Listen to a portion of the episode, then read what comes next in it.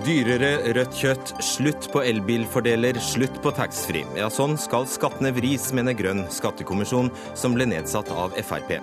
Glem det, sier Frp i dag. Hvordan skal vi forstå fenomenet Donald Trump? Strategien er slående lik Frp-koden og Carl I. Hagen, sier historiker. Og hvem har æren for at det nå bare kommer 400 asylsøkere i uka til Norge? Sverige eller stortingsflertallet?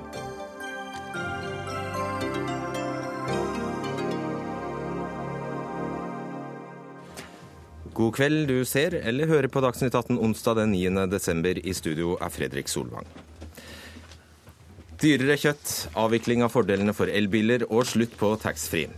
Ja, Det er bare noen av tiltakene Grønn skattekommisjon har foreslått for å styre norsk skattepolitikk i en grønnere retning. Og Dette skal altså øke skattene og avgiftene med 25 30 milliarder kroner. Lars Erik Borge, du har ledet Grønn skattekommisjon. Velkommen. Takk. Ikke akkurat populære tiltak, vil mange si? Nei, men uh, vi har ikke gjort den jobben her for å bli populær, men for å skape et bedre miljø og bedre klima. Ja. Og hvor havner vi hvis alt dette innføres? Ja, det, ja, I forhold til klimagassutslipp f.eks. så vil vi få en reduksjon på 1-2 tonn uh, CO2 per år f.eks. Holder det? Altså, det vi eh, Spørs hva du regner i forhold til. Vi, vi, lagt, vi legger til grunn at Norge inngår en Eh, avtale med EU om felles eh, måloppnåelse, hvor det da skal være 40% utslippsreduksjon innen 2030. Og våre forslag om klimagassutgifter sikter inn mot, eh, mot den banen. Mm. Og du kan med hånda på hjertet si at du har oppfylt det mandatet du fikk av regjeringen? Ja, det vil jeg si. Ok, Vi får høre senere. seinere. la oss ta det litt sånn eh, tematisk her. Eh, la oss starte med det som har skapt kanskje mest bruduljer i dag, nemlig at dere foreslår å sløyfe eller avvikle fordelene for elbilene. Hva er forslagene? Ja, Vi har to forslag som går på elbiler. Det, det, ene er når det gjelder avgifter på bruk av bil, så, så foreslår vi at også el, elbilene skal omfattes av det, sånn som de skal dekke sine eksterne kostnader knytta til, til ulykker, kø og også litt lokal luftforurensning. Som veibruksavgift? Ja, ja, vi, vi, foreslår en ulykkesavgift som elbilene vil være omfattet av, og en miljø- og køprising i storbyene som elbilene også vil være omfattet av.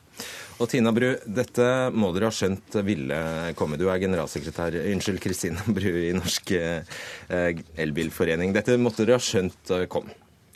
Eh, nei, overhodet ikke. Dette her er jo helt uh, overhodet ikke på linje med det det mm, politiske Norge, og, og, egentlig ikke bare politiske Norge, men hele Norge står bak. Dette er ikke en grønn skattekommisjon, det er en grå skattekommisjon.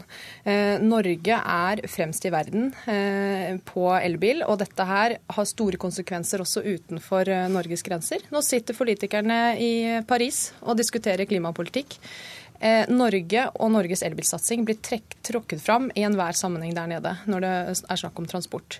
Så vi har en utrolig viktig rolle når det gjelder å, å, å fortsette den politikken her. Og um, vi er i ferd med å redusere utslippene fra, fra, persontransporten mye raskere enn noen andre, fordi vi har en, en så god på, en så god elbilpolitikk. Hva er begrunnelsen for å gjøre det rett og slett vanskeligere eller dyrere å kjøre elbil? Ja, Begrunnelsen er Vi har nå vært gjennom en fase hvor, hvor det har vært store avgiftsfordeler for elbil, for at elbilene skal få et markedsmessig fotfeste. Eh, og Det har de, har de fått. og det Eh, det er da vår mening at nå er det på tide å fase de fordelene ut. For elbilene kan nå markedsmessig stå på egne ben uten eh, de her fordelene. De kan ikke det, sier hun. Det det her er, dette, jeg, jeg, forstår ikke Dette er slett arbeid fra kommisjonens side. Eh, det er godt mulig at det er flinke samfunnsøkonomer der og, og, og flinke til å sitte og regne, men eh, de har åpenbart ikke særlig mye altså transportkompetanse og klimakompetanse. Elbilene konkurrerer ikke da. Det er bare å se til nabolandene våre hvor det, eh, det er et langt dårligere salg. Det vil forhåpentligvis og mest sannsynlig endre seg etter hvert. Men der er vi overhodet ikke i dag. Sånn at eh, Det å påstå at elbilen er konkurransedyktig i dag, det, det, stemmer ikke. Salget har dessuten flata ut det siste året. Det, det har ikke fortsatt å øke. Vi har faktisk bare 50 000 elbiler. Ja. Men, men, men jeg vil si at vårt forslag innebærer fortsatt avgiftsmessig favorisering av, av elbiler. Elbiler vil ikke betale CO2-avgift på drivstoff som andre biler. De vil ikke betaler den nye veibruksavgiften på drivstoff, og de vil nyte godt av CO2-differensieringa i engangsavgiften. Okay. Som de foreslår å reversere. Eh, I, eh, I, flere år har norske politikere lagt mer og mer vekt på CO2-komponenten i engangsavgiften. Altså CO2 har fått mer og mer å si. Eh, nå foreslår de å reversere den, eh, den viktige endringen, som, som, jo er viktig for hele bilparken. Hvis jeg har tolket dere rett, så ønsker dere altså å forsere utviklingen her. Dere ønsker oss over på nullutslippsbiler, altså skrittet etter elbiler? Nei, Elbiler er jo også, El elbiler er nullutslippsbiler. Også, også, også nullutslippsbil. Ja. Men dere ønsker oss over på andre, andre typer biler? Ja, altså Våre forslag er i utgangspunktet teknologinøytrale, så også hydrogenbiler vil jo være en del av den mulig del av framtidige, den framtidige bilparken. Og Hva er det dere foreslår da? Der foreslår vi ikke noe spesielt, men, men også hydrogenbiler kan i en, i en etableringsfase få fordeler av den typen som elbilene har hatt. Midlertidige subsidier, og det må vel være bra? Ja, men her foreslår de å fjerne alt av fordeler eh, etter 2017. Eh, jeg lurer på hva slags kompetanse de har til å vurdere om elbilene er 100% konkurransedyktige da. Det tror ikke jeg de er. Eh, vi må gjøre den utfasingen gradvis. Og det har også regjeringen og støttepartiene KrF og Venstre på Stortinget slått fast i mai, at nullutslippsbilene hele tiden skal kunne konkurrere opp mot det fossile alternativet.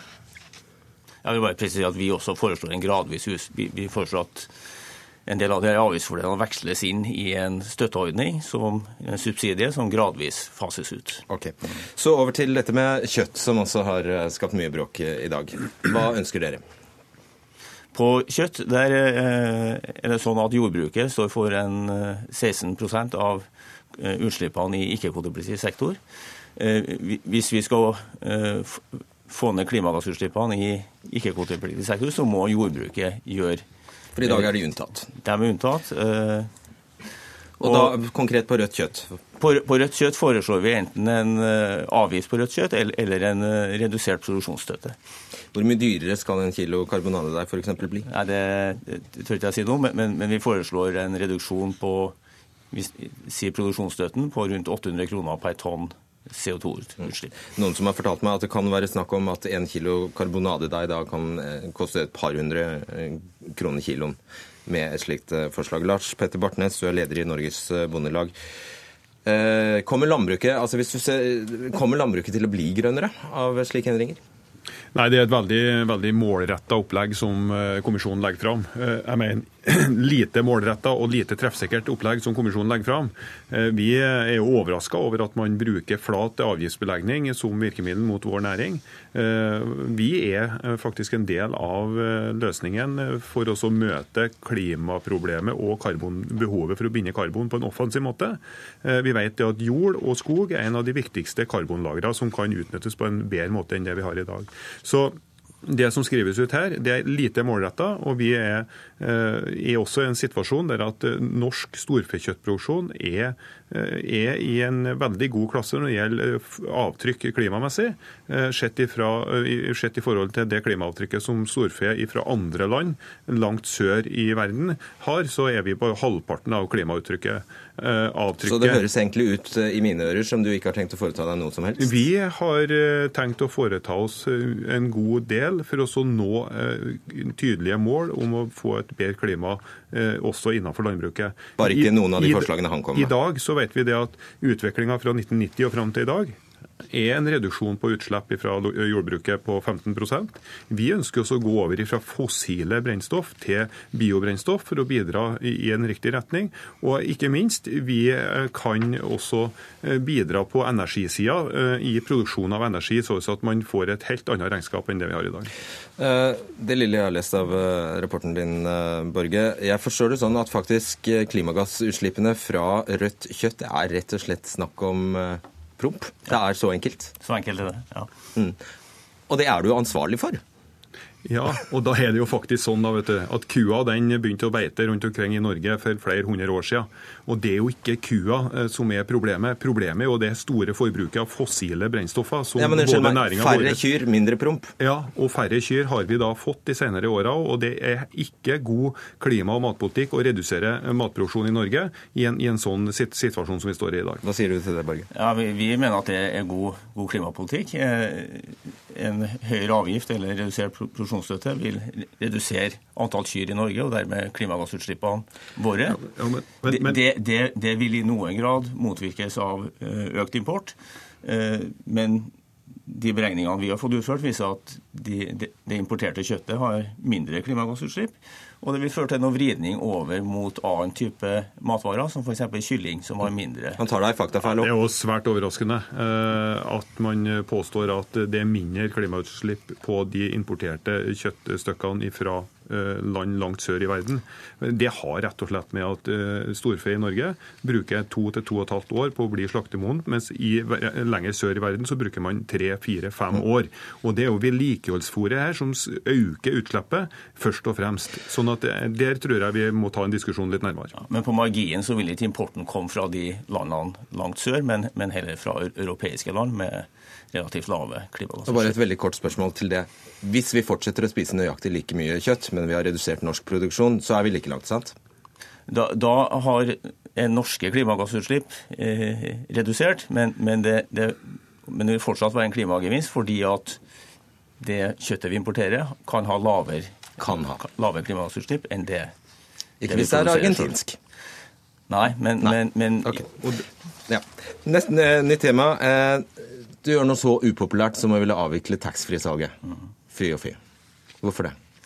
Ja, eh, det er ikke for å være gledesdreper, men, eh, men, eh, men taxfree-ordninga bidrar til at fly- og ferjereiser blir, blir, billigere. Og det øker transport, transportomfanget. Og det transport har negative effekter på klima og miljø. Så det er begrunnelsen for det. Og dette vet vi jo, Håkon Dagstad. Du er kommunikasjonssjef i Travel Retail Norway, altså selskapet som driver de fleste taxfree-butikkene ved norske flyplasser. Har dere ikke litt dårlig miljøsamvittighet innerst inne?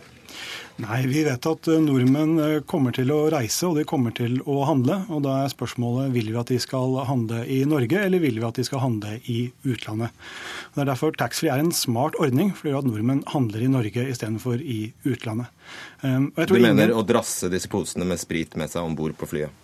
Det var sånn man gjorde det før. Ikke sant? Da fylte man opp hattehyllene. Eh, nå kan man handle når man ankommer, eh, og det er veldig mye bedre for alle og skaper store inntekter. Så det er ikke gitt at vi flyr mindre? Nei, jeg, jeg, deler det poenget som framføres her nå, men, men, vårt forslag er at det ikke skal kunne innføres eh, alkohol eller tobakk avgiftsfritt i det hele tatt. Så, så, så hattehyllene vil ikke bli, mm. bli full av Da forsvinner poenget ditt, Agestad. Nei, det er jo bare å tolle det inn. Veldig greit. Koster. Men da er også poenget med taxfree borte? Uh, nei, for vil, altså, da vil folk handle i utlandet, og så vil de tolle igjen uh, varene. Det, særavgiften på f.eks. alkohol er mye, mye, høyere enn det er å tolle inn en, en, vare. Så det vil fortsatt være veldig lønnsomt for folk å handle i utlandet og ta med seg varene inn. Har du ikke tenkt på det? Det, det, har vi tenkt på, men jeg, jeg, tror ikke de fleste vil ta seg det, det bryderiet. Og i, i, hvert fall vil omfanget bli langt mindre enn, en det det er i dag. Men har du virkelig hørt om noen som flyr mer fordi de for, uh, trenger å kjøpe to, liter, to, to kilo Toblerone? Ja, sjokolade er ikke omfattet av vårt forslag. ok, da. To Seks flasker vin. Men, uh, men det vi har tilgang på, på analyser som, som, indikerer at taxfree-ordninga øker eh, omfanget av flytrafikken med en 3-11 ja, det er de som først og fremst vil lide her, er jo distriktsflyplassene. Av Avinor sine 46 eh, flyplasser går 39 med underskudd. Dvs. Si at eh, staten og Avinor trenger eh, inntekter for å kunne opprettholde flyplasser i hele Norge. Og taxfree er en kjempestor inntekt for staten, som gjør at vi kan ha flyplasser over hele landet. Har dere tatt hensyn til det, at det er sånn vi finansierer flyplassene våre? Ja, det, det har vi tenkt på. Men det, det er riktig som det sies her, at hvis man da ønsker å opprettholde de, de flyplassene så må det heller ordnes gjennom en statlig bevilgning. Og si vi, vi, foreslår også redus, reduserte tilskudd til en del flyplasser, nettopp som er ulønnsomme, og for å begrense flytransporten. Ja, da er det jo et spørsmål om man ønsker å altså, Vi i Travel Retail Norway betaler 2,5 milliard til Avinor for å drive disse taxibutikkene. Det er hvert eneste år. Så er spørsmålet vil man bruke 2,5 milliard over statsbudsjettet, ta det fra et annet godt formål, for at uh, vi skal tilrettelegge for at flere nordmenn handler i utlandet. Det er lite smart. Siste spørsmål til deg, Borge. Jeg har bare lurt på, altså det, Du legger jo da opp til at disse milliardene skal gis ut igjen. ikke sant? Altså Man skal senke det generelle avgiftsnivået. Hvis jeg da verken flyr eller jeg kjører ikke bil og jeg spiser veldig lite rødt kjøtt, da får jeg bare rett og slett mer å rutte med? Ja, da får du bare en skattelette. og da kan kan jeg kjøpe nips for det fra Kina f.eks., og så går klimagevinsten opp i spinninga. Ja, men det vil, eh, vil jo belaste Kina sitt klimagassregnskap. Okay. Tusen takk skal dere ha, Lars Erik Borge, Lars Petter Bartnes, Håkon Dagstad og Kristina Bu. Vi skal holde oss til temaet, for inn i studio her kommer nå politikerne og miljøbevegelsen. For denne rapporten kan ikke legges i en skuff, og det er ikke stor uenighet om dette mellom de fire samarbeidspartiene, sa Høyres Svein Flåtten om Grønn skattekommisjon i Politisk kvarter i morges. Jeg tror faktisk ikke det er noe særlig uenighet mellom disse fire partnerne om at uh, man skal fremme forslag om et grønt skatteskift på forskjellige områder i budsjettet som kommer for 2017. Roy Steffensen, medlem av finanskomiteen for Frp. Stemmer dette, at dere er klare til å innføre alle disse tiltakene? Eh, det tror jeg nok eh, ikke det gjør, nei.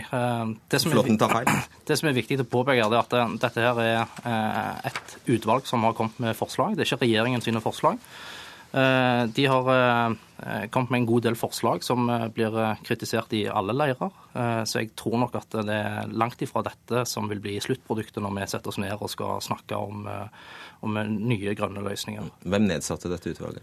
Det er regjeringen som har satt ned utvalget. Og så har vi nå i, i budsjettforliket blitt enige om at vi skal bruke dette som utgangspunkt og sette oss ned de fire borgerlige partiene Eh, jobbe parallelt med at dette er ute på høring. Og så skal vi se hva løsninger vi klarer å bli enige om. Hvordan kunne Flåtten, Svein Flåtten ta så innmari feil i morges? Jeg vil ikke akkurat si at han, eh, han, eh, tar feil. Han er konstruktiv og ønsker å få til løsninger. Det, han det sier samme, det ikke er stor uenighet om dette, sier han, mellom de fire partiene? Det var nok før han hadde fått sett eh, hele rapporten, han òg. Den ble jo presentert klokka ti. Og eh, der er vel eh, De fleste partiene har vel hatt sine ting å utsette på på det som er blitt presentert. Han gjorde opp regning uten hvert, altså. Terje Breivik, finanspolitisk statsmann for Venstre. Er det slik at det er rykende uenighet om disse tiltakene blant dere fire? Nei, Svein Flåtten hadde jo helt rett i, i det han sa. Altså, Det vi er enige nå i budsjettavtalen for 2016, er jo at vi skal sette ned et uh, tverrpolitisk sammensatt utvalg som ikke bare skal følge opp uh, tilrådingene fra Grønn skattekommisjon, men som også skal ende med at budsjettet i 2017 medfører et grønt skatteskifte som, uh, som ikke bare forsterker klimaforliket, men som fører til betydelig reduksjon i CO2-utslipp. Så Sånn sett så, så har jo Svein, Svein, Flåtten helt rett i det overordna budskapen som han kom med på Politisk kvarter i, i dag tidlig. Du har forpliktet deg allerede?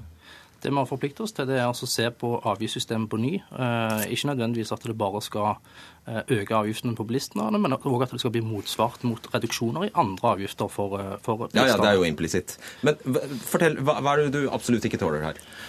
Nei, I rapporten så står det at norske utslipp står for 1 promille av de globale utslippene i verden. Av det så står transportsektoren for 20% i Norge.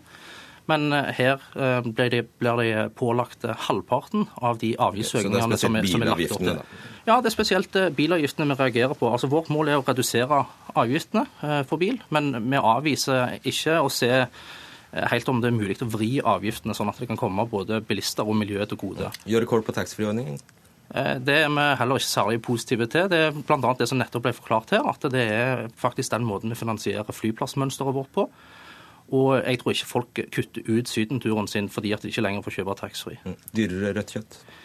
Og eh, et eh, dårlig forslag i min mening, fordi at det vil ramme, det vil ramme spesielt distriktskommuner, hvor du har eh, landbruk hvor da ku og sau er en viktig del av, av jordbruket.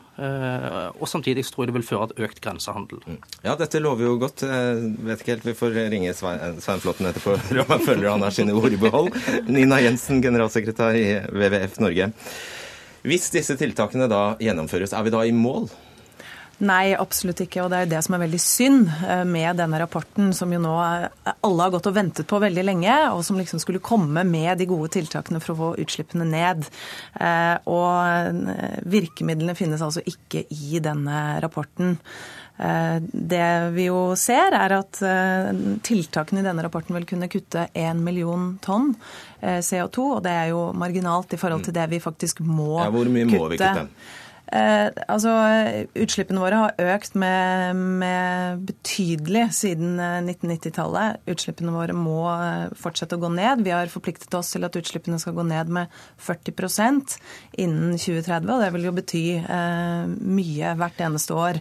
Men det som er viktig å huske på her, eh, er jo at altså det som blir fremstilt som hovedmålet eh, med denne rapporten, eh, eller med avgiftene, er at eh, forurenser skal betale for skadene for utslipp.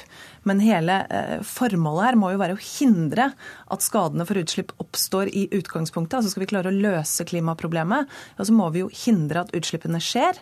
Eh, og ikke minst, vi må skyte fart i det grønne skiftet i Norge. Det man gjør her, er for det første å ikke ha tilstrekkelige avgifter på miljø... Men det du sier da, det du beskriver da, er forbud?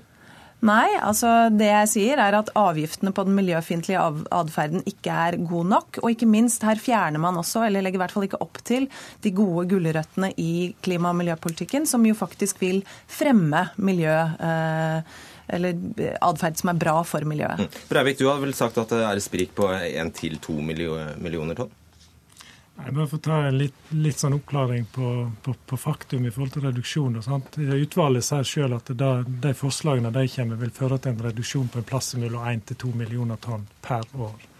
Skal vi forsterke klimaforliket, som da gjelder til 2020 i første omgang, så må vi ha en reduksjon innen 2020 på si 8-9 millioner tonn.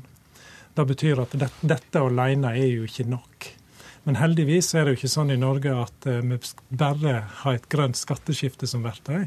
Vi har jo en, en industri, en prosessindustri, et næringsliv som ligger way ahead uh, oss politikere i å tilpasse seg uh, en, en verdensmarked som i større og større grad etterspør, eller som er styrt av grønne verdier.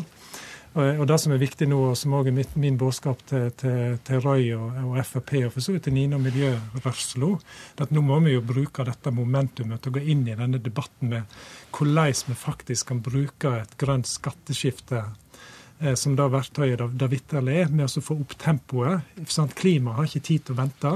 og Hvis ikke vi, hvis ikke vi nå får opp tempoet allerede i 2017, så risikerer vi at vi sender regningen til neste, neste generasjon. Ja, og da lurer jeg, må, må si at jeg blir sittende og lure på om du i det hele tatt er interessert i et uh, grønt skatteskifte? Jo, men vi, vi, har vist at vi kan eh, få til uh, dette på andre måter. Bl.a. den uh, avgiftsmodellen vi, vi, ble enige om om biler, hvor vi sørger for at hvis du kjøper en ny bil, så, så straffer det seg hvis den slipper ut mye. Mens du, du får det rimeligere hvis det er en bil som forurenser lite.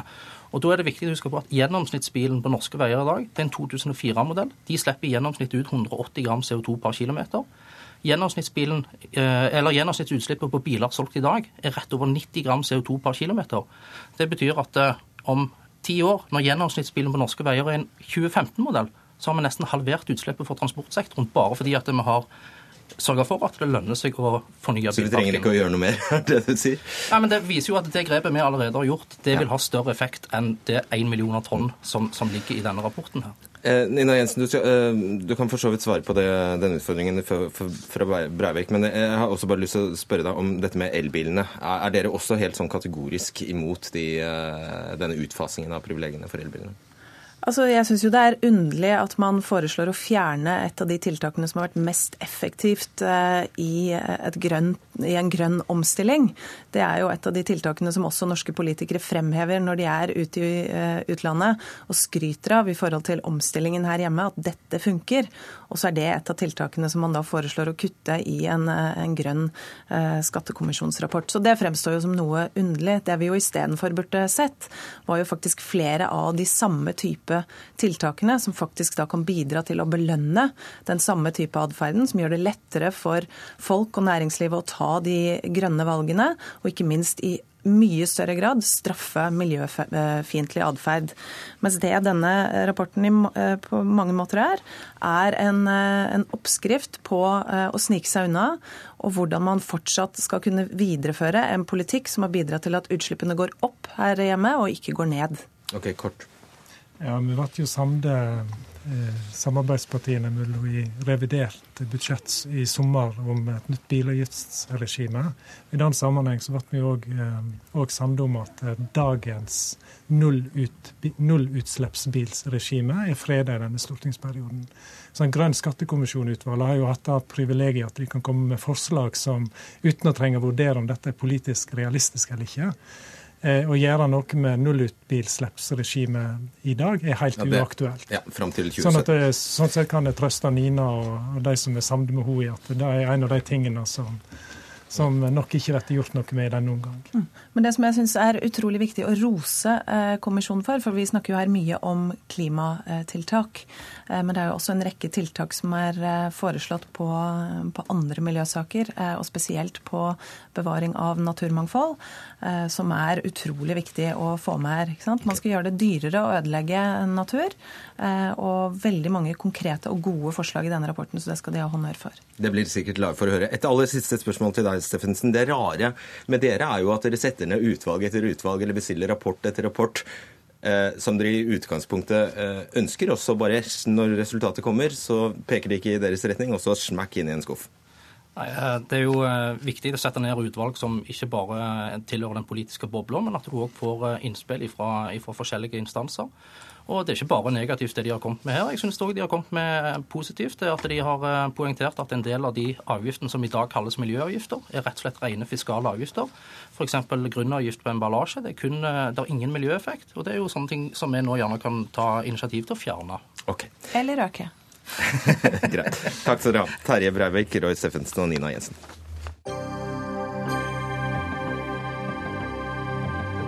Donald J. Trump is calling for a total and complete shutdown of Muslims entering the United States until our country's representatives can figure out what the hell is going on. It's going to get worse and worse. You're going to have more World Trade Centers. We can be politically correct or we can be stupid. We have no choice.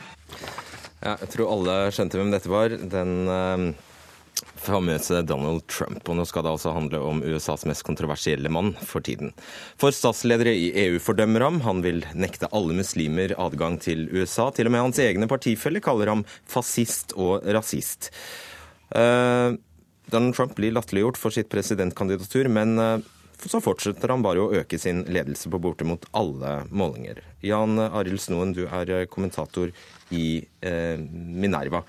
Kan du huske hva du sa i dette studio om Donald Trump sånn i sommer? Ja, om jeg sa det her. Jeg sa det i hvert fall mange andre steder, og sikkert her også. Som eh, de aller fleste kommentatorer på den tida, så var det ingen, eller veldig få, som trodde at Trump ville lede meningsmålingene på dette tidspunkt. Eh, vi trodde at det skulle gå fortere over enn det har gjort. Eh, fremdeles er det sånn at både jeg og de fleste kommentatorer tror ikke at det kommer til å vinne nominasjonen, men vi kan ikke utelukke det lenger. Hvor eh, sikker eller usikker er du nå? Nei, så jeg gir han 10% sjanse, eller noe sånt. Ok. Gro Holm, eh, USA-korrespondent for eh, NRK. For å ta dette med muslimene først. Hvordan har reaksjonene vært etter at han da sa at muslimer bør nektes adgang til USA? Hvis du tenker på I det muslimske miljøet, så er jo de selvfølgelig helt entydig negative. Alle muslimske ledere her som betyr noe, har jo kommet ut og sagt at dette er helt uhørt, og det gjør det vanskeligere for dem å samarbeide med myndighetene osv. Det sier jo også myndighetene. FBI-direktør James Comey sa i en senatshøring i formiddag at uh, slike utspill gjør det vanskeligere å samarbeide med miljøer som er viktige å samarbeide med for å stanse terrorhandlinger her i USA. Mm, han får jo også gjennomgå av egne partifeller. Noen har kalt ham eh, rasist og fascist. Uh, har han i det hele tatt noe støtte i det republikanske partiet? Ja, det har han helt åpenbart, men ikke fra eliten. Og det bidrar jo bare til å understreke at mannen er eh, en som tør ta oppgjør med den politiske eliten. Det er nettopp det som jo gjør ham populær, og, og det bidrar altså til å forsterke hans profil som alternativ til eh, det politiske kåteriet i Washington. Eh, når det gjelder eh, andre, så er det vel kanskje eh, hans rival i presidentkampen, eh, Ted Cruz, som har gjort minst for å imøtegå Trump. Han sier eh, tørt at dette er ikke min politikk. Og vi vet jo da også at Cruz har et eh, forslag liggende i eh, Kongressen om å stanse alle flyktninger som kommer fra land hvor IS står sterkt. Og Det kan jo minne litt om Trumps forslag, men går jo overhodet ikke så langt som det Trump er villig til å gjøre. Mm. Halvard Notaker, førsteamanuensis i historie ved Universitetet i Oslo. Og du, du var en av dem som overhodet ikke trodde på Trump. Hvem er det han egentlig representerer? Han, eh, jeg har heldigvis ikke sagt det her, tror jeg, men jeg, men jeg, jeg, trodde, jeg trodde, ikke det, jeg heller. Eh, på en måte virker jo Trump som noe vi ikke har sett før noen gang, men han er en nokså tradisjonell eh, populistleder i amerikansk historie. Eh, populisme da, ikke den litt sånn nedsettende betydningen, men en, en som stiller seg opp som leder for folket mot en elite som har sviktet. En elite som er korrupt eller inkompetent, eller som han jo minner oss om hele tiden, at de er begge deler. Eh, og som ikke vet hvordan vanlige folk har det. Og så snakker han om de bekymringene folk har, som da ledelsen i Washington Og den retorikken er jo for så vidt en gjenganger i enhver amerikansk valgkamp. Og det er det. Og det er jo det han dypest sett driver med. Men hva kan man si da om de som eh, Altså, dette er jo ekstreme forslag. Ja, for det, det, det er, Vi er ikke vant til at det er en som leder på meningsmålingene som sier sånne ting som det med, det med islam. Det skal bli spennende å se de neste uh, dagene om dette gir utslag, om dette er kvalitativt annerledes enn all den andre galskapen han har uh, vært, vært, i gang med i et halvt år. Uh, for dette er litt annerledes. I hvert fall er reaksjonene fra de andre kandidatene skarpere fra de flestes uh, hånd uh, enn det har vært hittil. Men han er, uh, i 90-årene så var det Pat Buchanan. Han hadde slagordet 'America First'. gjorde godt i republikanske primærvalg. Han var opptatt av å beskytte amerikanske marginaliserte arbeidere mot konkurranse fra andre land. Det er noe Trump prater om. Han var opptatt av innvandring fra grupper som ikke snakker engelsk. Det kjenner vi igjen fra Trump, som gjerne vil deportere 11-12 millioner og sier det er ikke noe problem, for han er en god manager. Og så var Buchanan opptatt av av mer sånn kristenkonservative spørsmål. Der er ikke Trump så sterk, men Trump har da eh, jihadisme eh, istedenfor eh, på en måte på den plassen. Så det er et religiøst element likevel. Mm. Uh, Snoen, hva vil du si egentlig ligger bak dette fenomenet Donald Trump? Ja, Det er som nottaker er inne på, det har mye med motstand mot eliter, eh, mot Washington, men også en grunnleggende mistillit til f.eks. til pressen også. Det er derfor eh, når Trump sier noe, så tror tilhengerne hans på ham. Selv om pressen kan bevise det, motbevise det så mange ganger de bare vil, så tror de likevel på Trump. Og litt, Han snakker også om politisk korrekthet, og det er betydelig politisk korrekthet i USA, særlig på universitetene. Til og med Obama er opptatt av dette, at det har gått for langt. Og Derfor så har eh, Trump en klangbunn når han snakker om det. Men han bruker jo dette som en sånn generalunnskyldning for dårlig oppførsel, rett og slett. Han sier at det er beskyldt for å være politisk korrekt hvis jeg sier noen er stygge. Ja, eh, du skal helst ikke si det. Mm. Eh, bare kort til den, Notaker. Eh, noen har jo sagt at han på noen måter ligner vår egen Carl I. Hagen. Hva er det i den sammenligningen? Eh, ja, Det vil ikke jeg stå innenfor, tror jeg. Nei, kanskje, men, kanskje jeg misforstår. Kanskje men, lus. men vi kan, vi kan, det, vi, det, vi kan, det, vi, kan, si, er at, er at han eh, han, han, måte, han, høster noe som republikanske partiet har sådd med den oppførselen. Fordi de har dyrket fram en sånn konfronterende politikk. En politikk hvor kompromisset er skittent, og hvor å forhandle med andre er dårlig.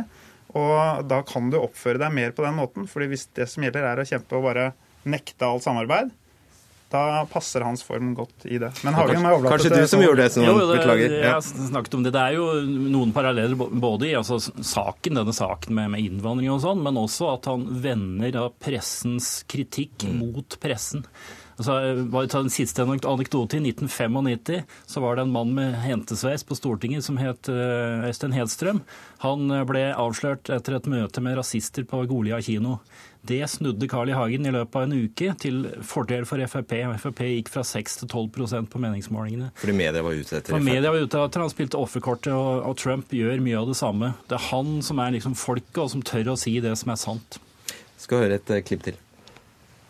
They're sending people that have lots of problems, and they're bringing those problems with us. They're bringing drugs, they're bringing crime, they're rapists, and some i assume are good people. Ja, Gro Hånd, her er det meksikanerne som får uh, gjennomgå. Uh, hvordan slipper han unna med sånt? Nei, Han slipper jo unna fordi det er mange som eh, føler at innvandrerne har det for lett sammenlignet med det mange eh, sliter med av folk som da ikke er innvandrere. Eh, ikke minst gjelder det hvit, lavere arbeiderklasse eller folk uten jobb, som føler at de, de, som kommer til landet, får det for lett. og, og det, det, er et stabilt, tror jeg i hvert fall. Det vil alltid være i amerikansk politikk og i såpass store land med såpass lite utviklet statlig sosial sikkerhet, så vil det være et marked for den type retorikk. Eh, og det er det han nå på en måte tapper inn i. Eh, og vi vet jo at eh, Hvite menn er blant det republikanske partiets mest solide velgerbasis. Særlig da hvite menn fra arbeiderklassen og lavere middelklasse. Så noen, Om det skulle gå slik at han faktisk ender med å vinne denne nominasjonskampen, hva skjer da med det republikanske partiet? Nei, Det er krise for partiet på flere måter. For det første så vil han antageligvis tape såpass klart for eh, Hillary Clinton at han drar med seg partiet ned også. De kan risikere å miste ikke bare senatsflertallet, som de helt sikkert mister, etter min mening, hvis han blir nominert, men også flertallet i Representantenes hus. Men det vil også på lang sikt plassere eh, partiet helt feil. Altså, De har jo nå i mange år prøvd å jobbe seg inn mot, eh, mot ikke-hvite velgere. Det vil være veldig vanskelig med, med Trump. Så det, de vil bli satt 20 år tilbake hvis det skulle skje. Er du enig i den analysen? Ja, og det er jo, Den skaden skjer dag for dag. Eh, og Det er derfor i hvert fall en del republikanske ledere har vært veldig tydelige på at dette, dette, er, dette er ikke konservatisme, det er ikke amerikansk engang. De må si sånne ting. og det må komme enda tydeligere avvisninger, tror jeg, i tiden som kommer, for at de ikke skal bære med seg dette en stund allerede. Han har jo gitt et løfte om at han ikke stiller som, som uavhengig kandidat. Ja, men det har han jo nå begynt å fikle litt med. Så, altså er, de har det veldig vanskelig, og de har lite spillerom, men de har mye på, mye på spill. Mm. Det blir veldig spennende. Takk skal dere ha, Jan Arild Snoen, Halvor Notaker og eh, med oss fra USA, Gro Holm.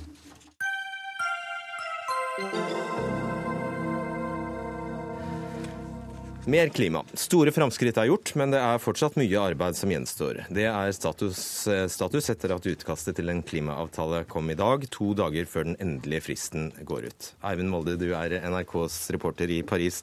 Fortell oss hva har skjedd i dag, egentlig? Veldig, spennende dag eh, i Paris i dag. Eh, folk har gått rundt og venta på at denne teksten som alle har prata om, skulle komme. Altså utkastet til tekst. Um, dette har jo pågått i ei og en halv uke nå. Uh, mandag tok ministrene over fra forhandlerne, og så har de mekka på denne teksten uh, nesten dag og natt. Og i dag kom altså utkastet to dager før avtalen skal være klar. Så det var stor forventning, og så rusha folk for å få tak i denne teksten. Og de fant den på nettet og så på mobilene sine osv. Så videre. sånn at uh, det, var, det var en stor spenning som da ble utløst da den teksten kom på bordet sånn i tre-halv-fire-tida i dag. Og Det kan eh, synliggjøres eller det kan illustreres med at antallet sider faktisk er, er, det, sånn, er det, halvert eller noe, noe i den dur? Ja da, det er ca. Eh, halvert. Altså, totalt er det et dokument på 29 sider. Det er 14 sider med, re, med ren avtaletekst. Og så er det mange tillegg på, på, som går på, på 15 sider. Og, og, og, det er jo sånn med disse tekstene at det er ekstremt mange detaljer. Um, da denne prosessen starta her for en og en halv uke siden, så var det 1700 klammeparenteser, altså ting som folk er uenige om. Det ble halvert i løpet av den veka, og nå er det igjen eh, kutta med tre fjerdedeler. Så det begynner å komme seg. Men det er veldig mange detaljer i denne teksten fortsatt som er uklare, og som det er også uenighet om. Nå tror jeg jeg skal stille et av de tåpeligste spørsmålene jeg vet om. Men hvordan er stemningen etter at dette utkastet ble lagt fram? I, I, dag Fredrik, passer det i grunnen veldig okay, greit at, at, du stilte det spørsmålet. fordi at det, det, er, det er ganske heftig stemning. Altså Over 400 demonstranter har vært i aksjon rett utenfor eh, forhandlingslokalet her eh, nå eh, i ettermiddag fra kvart over fem og utover. Og de er ikke særlig happy med denne teksten. Sånn at, at stemningen er jo altså prega av misnøye med dette forslaget og krav om forbedring av teksten. Og så Alle vet jo at det er altså kun to dager igjen, ikke sant? Så, så skal denne store Parisavtalen være klar. Så det er ikke mer enn tida av veien. Takk skal du ha, Eivind Molde. Eh, Guri Bang, du er forsker ved Sistro senter for klimaforskning. Eh, hva vil du si om dette utkastet som nå foreligger? Eh, er det, er det, er det grunn til å tro at man kan komme i mål om to dager? Det som er bra med det utkastet, er jo at det viser en framdrift i forhandlingene. Som Eivind Molde var inne på, så er det jo en mye kortere tekst med færre uenigheter som nå foreligger. Og noen av de uenighetene som var tidligere, hadde blitt løst. Men eh, det er altså veldig mye som gjenstår. Og mange av de mest eh, alvorlige og vanskeligste spørsmålene gjenstår fortsatt. Blant, an, blant annet um, det langsiktige, den langsiktige ambisjonen for avtalen om man skal nå togradersmålet, eller om man skal nå 1,5-gradersmålet, som har uh, veldig mye å si for uh, de aller fattigste og mest sårbare øystatene. Um, og gjenstår det å bli enige om hva som skal være det langsiktige reduksjonsmålet. Skal man ha full avkarbonisering innen 2050, eller skal man vente helt til 2100 før man uh, kommer til avkarbonisering av verden? Og uh, også om man skal ha 40 til 70 graders reduksjon innen 2050, eller om man skal ha 75 til 90 graders reduksjon innen 2050. Sånn at det her er veldig store forskjeller og ulikheter i standpunkt som fortsatt står igjen i avtaleteksten. Mm. Andreas Torsheim, du er økonom og teknolog og produktdirektør i Opera. Dere kaller dere vel bare Opera nå? Vi gjør det. Ja. Eh, du har kalt disse, disse, forhandlingene for budsjettmøte fra helvete i en kronikk i Aftenposten, og sammenligner det med et budsjettmøte som enhver bedrift må avholde. Hvorfor er dette så innmari vanskelig?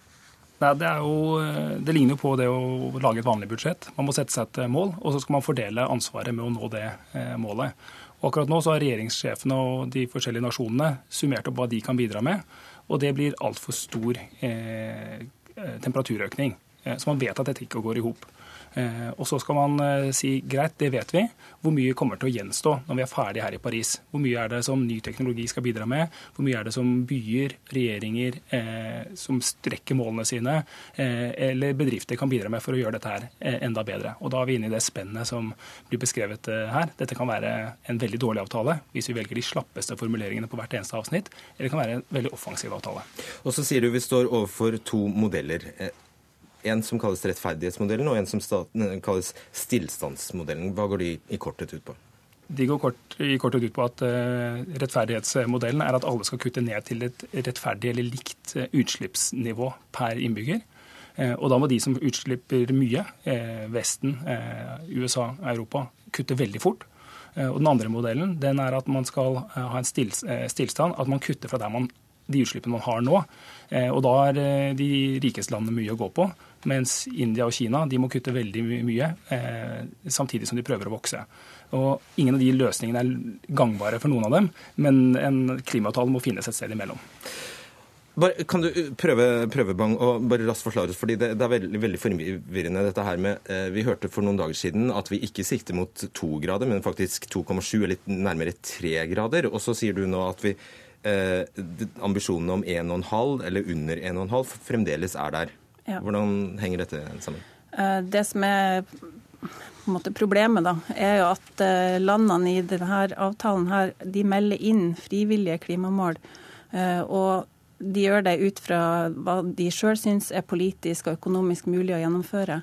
Og når man summerer opp alle de klimamålene som er sendt inn til Paris i forkant av forhandlingene, så kommer man opp i rundt 2,7 til 3 graders oppvarming innen utgangen av århundret. Og de klimamålene som er sendt inn, de står jo fast i den nye avtaleteksten som ligger på bordet. sånn at her har det ikke skjedd noe endring. Det man snakker om i, paragraf, i artikkel 2 av eh, den, det utkastet som er blitt presentert i dag, det er den langsiktige ambisjonen for avtalen etter at man muligens kan få til å forsterke ambisiøsiteten i avtalen gjennom å ha um, jevnlig måte, oppgradering av klimamålene etter 2030. Da.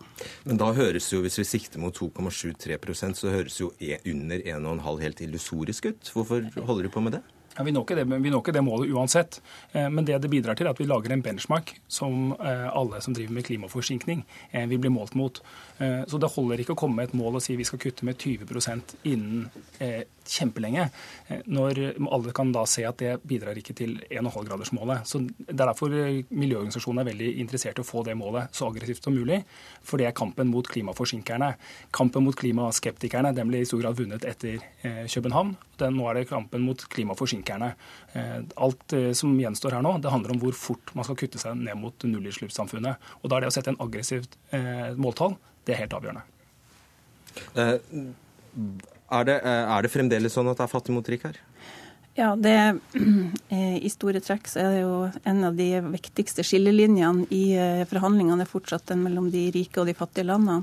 Og ikke minst det spørsmålet om eh, klimafinansiering, som også er et av de eh, spørsmålene som ikke er løst i det nye avtaleutkastet. Hva vil det si? Det vil si hvor mye skal de rike landene bidra til de aller fattigste u-landene i form av finansiering av klimatiltak, sånn at man kan få til en vekst i u-landene som ikke er like forurensende som den har vært eh, her i, i de industrialiserte landene.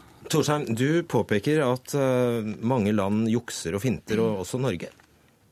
Ja, altså det, er, er, jo en sport, det å gjøre seg vakker når man er på vei til eh, Paris. Og kunne fremheve de bedriftene eller de enkelttiltakene man gjør som er bra. Eh, men så har man gjerne særinteresser eller eh, arbeidsplasser eller andre ting man vil forsvare, eh, hvor man enten vil forsvare en viss type utslipp eller en viss næring, og så jobber man imot den. Og, og Norge er jo interessert, Flere i Norge er interessert i å kunne bore så langt nord som, som mulig, og det rimer jo dårlig med skal vi si, stemningen i Paris. Og selge gass. Eh, og så skriver du også at, eller du gir et bilde på hvor, hvor alvorlig situasjon som økonomisk kan bli om vi ikke eh, kommer i mål her. Eh, du sier at forskjellen mellom dagens utslippsvekst og togradersmålet er 23 og Oversatt da så betyr det at faktisk verden får et 23% lavere bruttonasjonalprodukt om vi ikke greier dette. Det er dramatisk. Ja, det er jo dramatisk. Eh, og det har vært flere rapporter og utredninger tidligere som viser at og hvis man eh, går i gang med å gjøre klimatiltak nå, så vil man spare seg for mange kostnader i forhold til å adressere dette spørsmålet eh, senere, når, eh, når, effekten av klimaproblemet virkelig har begynt å ramme hardt. Sånn at eh, hvis man kommer i gang tidlig, eller jo før, jo heller, er vel eh, det mantraet man burde holde og tenke på når det gjelder klimatiltak. Og bare For å avslutte på, den, eh, med det, på det altså, Du sier til og med at to grader. Til og med da er vi ikke trygge. Nei, nå er ikke jeg en eh, klimaforsker, så jeg vet ikke nøyaktig hvordan verden vil se ut med to graders oppvarming. Men alt tilsier at det er, det er som å ha en krasj med bil i, i, høy hastighet. Det vil vi jo helst unngå hvis vi kan gjøre det. Mm. Ja, Du ville si noe helt på tappen? Eh, nei, nei, det går greit. Ok. Vi får vente og se hvordan det går i Paris. Tusen takk skal dere ha, Guri Bang og Andreas Storsheim.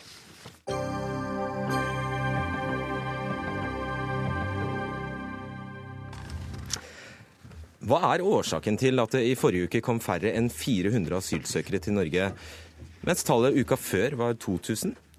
Er det svenskenes grensekontroll, eller er det regjeringens innstramminger?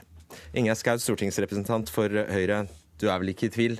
Dette vil du ta æren for? Ja, gjerne det. Men jeg tror vi skal være så ærlige at vi sier at det er en sammensatt av mange årsaker. Altså Regjeringen har levert en rekke innstramningstiltak. Vi har fått 18 innstramningstiltak i en enighet og en dugnad på Stortinget, unntatt SV og Miljøpartiet De Grønne. og vi har eh, både grensekontrollene har kommet på plass, færre økonomiske reduksjon, innstramming i økonomiske ytelser, mindre sjanse til familiegjenforening og, og midlertidighet når det gjelder opphold. Sånn at signalene ut i verden eh, de spres fort. Det er, eh, altså det er også nettmuligheter i Afghanistan og andre land, sånn at dette blir fort spurt om at vi har strammet inn. Okay. Karin Andersen, stortingsrepresentant for SV. I forrige uke så debuterte du mot Skau i Politisk kvarter kvarter. og da, du, da, da, gikk du ikke med på at uh, nedgangen skyldtes de norske innstrammingstiltakene. Vi skal bare høre kort hva du sa der. Men hvorfor er det så viktig å finne den riktige årsaken til at strømmen avtar? Nei, Vi har ikke vært ute og kommentert dette før uh, Høyre gjorde det sjøl. Og da må det være lov å si at dette er useriøst, når også uh, den fagetaten UDI sier at dette har ingenting med hverandre å gjøre. Så da blir det et politisk spill. Programleder her var Bjørn Myklebust. I dag, skriver, i dag er det altså um, onsdag. Og dette, eh, På fredag så meldte da NTB at eh, det da hadde gått fem dager uten at det hadde kommet noen asylsøkere over Storskog. Eh, så hvordan kan du sitte der i det studioet og si at innstrammingstiltakene overhodet ikke har noe for seg? Fordi UDI mente at dette var svenskenes tiltak på det tidspunktet vi diskuterte da. Eh, jeg er ikke i tvil om at eh, det som har eh, vært gjort av innstramminger på Storskog, har virka. Der har man jo stramma inn så mye at nå varsler eh, mange av de store humanitære organisasjonene med Flyktninghjelp av Amnesty og Norsk Folkehjelp i spissen at det begås folkerettsbrudd der fordi man tolker reglene så strengt at ingen får søkt asyl. Okay, så du snakket bare ikke om Storskog i dette kuttet? Nei, altså jeg, hvis, eh, hvis, vi hadde hørt litt mer, så hadde vi vel hørt at vi hadde sagt at eh, Storskog er Det er klart det virker, og grensekontroll virker. Det har SV ønska lenge. Det ønsker vi òg at man hadde fått på plass eh, mer i Europa. For problemet her er jo at hele det europeiske samarbeidet har brutt sammen. Og det har jo vært vår kritikk nå i over et år. At Eh, regjeringa ikke har tatt initiativ til at man finner en felles løsning på dette, og at ikke mange land nå som der flyktningene kommer inn i Europa, slutter å stemple passene, men bare føyser de videre. Og det, det resulterer i at alle land nå deltar i et kappløp mot bunnen til å gjøre det så vanskelig for de som trenger beskyttelse, ja. å komme. Og det har SV vært veldig kritisk til. For å sikre de som virkelig trenger beskyttelse, så er vi helt uh, nødt til også å klare å få til disse innstrammingstiltakene. De virker nå. Uh, og jeg må nok si at uh, vi måtte hatt et annet geografikurs hvis vi skulle si at det var Sverige sin skyld at det kom null til Storskoget i forrige uke, for det var det det faktisk som, som da skjedde. Og situasjonen er jo altså Lysbakken, partilederen til Andersen, sa jo at Sverige var et lys i Europa. Eh, og at det var de andre landene rundt som var skyld i at det ble, ble så utrivelig og så, så, tett og så vanskelig i Sverige. Og jeg syns det er grenseløst naivt altså når, når, SV melder seg ut av innstramningstiltakene.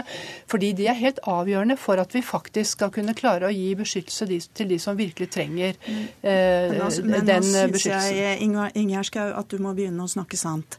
SV har vært for alle innstrammingstiltakene som har gått på de som ikke trenger beskyttelse. Vi har, vært, vi har mer penger til retur enn dere. Det vi har tatt til orde for, er at alle land i Europa må ta sin del, og at Norge okay. må gjøre det. Og det er jo grunnen til at så mange kom til Sverige, er jo at land etter land i Europa gjør det. Alle etter hvert tvinges til nå. Ja, men jeg kniper deg der, jo, fordi dette, dette blir faktisk en ren repetisjon av det politiske ja, kvarteret vi hørte utdrag fra. Det er veldig viktig å si det, for det er det som skjer nå. At man skyver ansvaret over på hverandre istedenfor å ta et ansvar eh, i fellesskap. Og det er dere ikke. Dere er ikke med i Norge engang, og da er det vanskelig å rope Europa. Jenny Klenge, du er stortingsrepresentant for Senterpartiet, og du er her for å kreve full grensekontroll. Ja, jeg er jo det. Jeg vil jo først si at eh, jeg, jeg det var fornuftige grep som Sverige gjorde da de innførte den ID-kontrollen og grensekontrollen som de gjorde for noen uker siden. Eh, og Senterpartiet, samme dag som regjeringa sa at uh, Norge kom til å gjøre det samme, så var Senterpartiet ute på forhånd og sa at vi ønska at det skulle skje her. Så det setter vi stor pris på. Uh, vi syns det var bra. Men det som uh, jeg har lagt merke til, det er jo at Sverige har gått lenger enn det Norge har gjort, og at jeg mener vi skal gjøre det på samme viset, nemlig ved at en innfører ID-kontroll nå i en situasjon her, på, ikke bare på ferjene fullt ut, men også på busser og tog. Altså men Hva er poenget med det når tallene er nede i 400 per uke fra liksom 2000? Jo, poenget, er veldig, poenget er jo veldig enkelt. Det at Senterpartiet har ment her i mange år, det er ikke knytt bare til denne situasjonen. Vi ønsker strengere grensekontroll eh, alltid. fordi at vi mener at hvis at vi har en bra grensekontroll som fungerer i normalsituasjonen, så er vi også godt rusta for ekstraordinære situasjoner. Det er vi ikke liksom det i dag. Vi er en del av en Schengen-avtale som gjør det umulig å ha grensekontroll mellom Schengen-land. Vi har ei Schengen-yttergrense som leker som en sil, ergo så er det fri flyt av folk innad her som vi ikke har kontroll på. Mm. La meg stille deg et eh, spørsmål. Har du tenkt på hva som skjer hvis du stenger den norske grensa? Har du tenkt på at det eneste som skjer da, er at du returnerer flyktningene til et Sverige som er overbelastet? Eh, det som vi taler om her, er jo den grensekontrollen som vi taler her nå. Det er på ferga som er innført fullt ut. Hvis du stopper dem ved norskegrensa ja. og avskjærer dem muligheten til å søke ja. asyl i Norge, så tvinger du dem til å søke asyl i et Sverige som allerede kneler. Ja, men slik, eh, vi er jo en del ja, av Dublin, ja, men hør nå, vi er jo en del av Dublin-avtalen som har en klar eh, regel om at det er det første landet som en blir registrert i, at en skal kunne bli, få behandla asylsøknaden i. Sånn er det jo bare. Men det som eh, Sverige gjør også med sin grensekontroll, når de har innført den, som, som virker, det kommer nå faktisk færre, det er jo at det landet som den flyktningen da kom fra, som ville komme til Sverige, men som nå blir stoppa.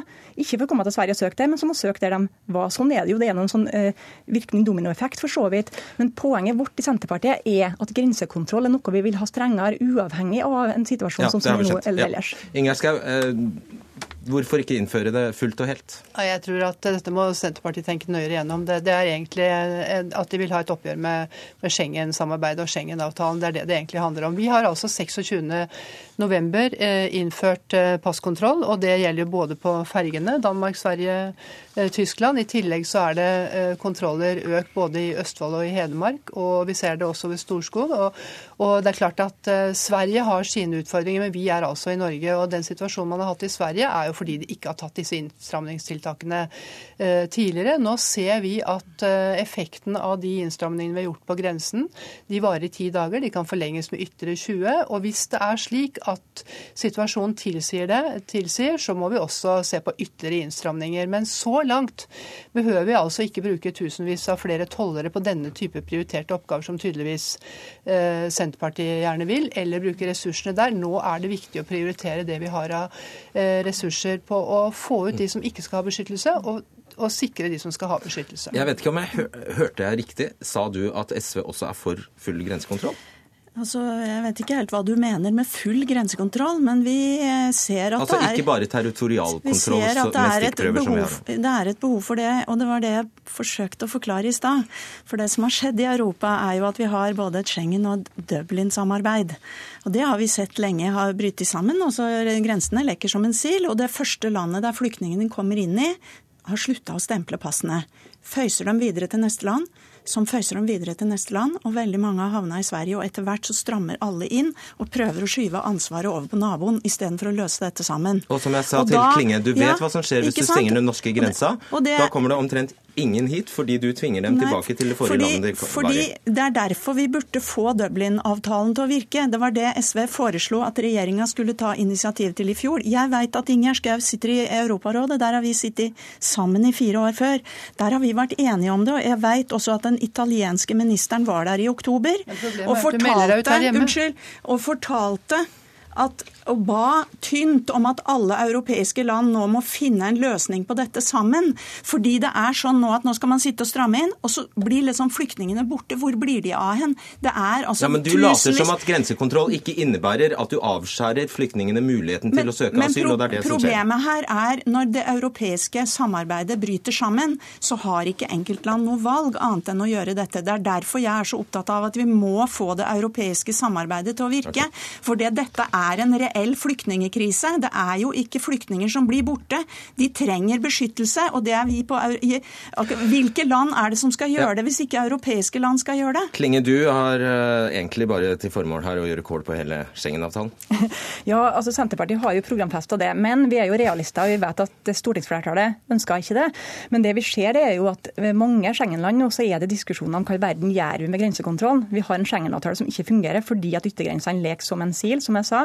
Det er ikke mulig å ha kont nok kontroll mellom landene eh, etter det behovet som faktisk viser seg å være. Hva gjør vi da? Og da mener jeg at vi her til lands faktisk er nødt til å være aktive pådrivere for i alle fall å endre denne avtalen på en slik måte at det er mulig å ha fornuftig grensekontroll på et slikt nivå at en kan stoppe ettersøkte kriminelle som vil inn i landet, og andre som ikke skal hit. Eh, og på en slik måte at vi vet hvem som er her, og hvem som oppholder seg her når de drar igjen. Det er, noe, det er snakk om å heve suverenitet også for et Mm. land, og ha kontroll både i normalsituasjon og i ekstraordinære situasjoner. Men dette er rett og slett for dyrt for deg? Det var det argumentet du brukte i sted, Skau? Nei, Det er jo å påføre en rekke nordmenn som skal over grensen også. og Det er jo noe med å bruke ressursene feil. Altså, jeg syns det er grenseløst naivt å trekke om dette, denne problemstillingen nå når vi ser at faktisk regjeringens politikk eh, virker. Og jeg ser også når, eh, når det blir for vanskelig her hjemme for SV, så begynner man å rope på Europa. Så det er viktig at vi klarer både innstramning og å, å sikre beskyttelse til de som skal ha det. Og da er vi nødt til å gjøre de tiltakene vi nå har gjort. Og det virker. Takk skal dere ha. Denne sendingen er eh, over. Ansvarlig for den var Ida Tune Ørisland. I teknikken var Frode Thorshaug, og i studio Fredrik Solvang.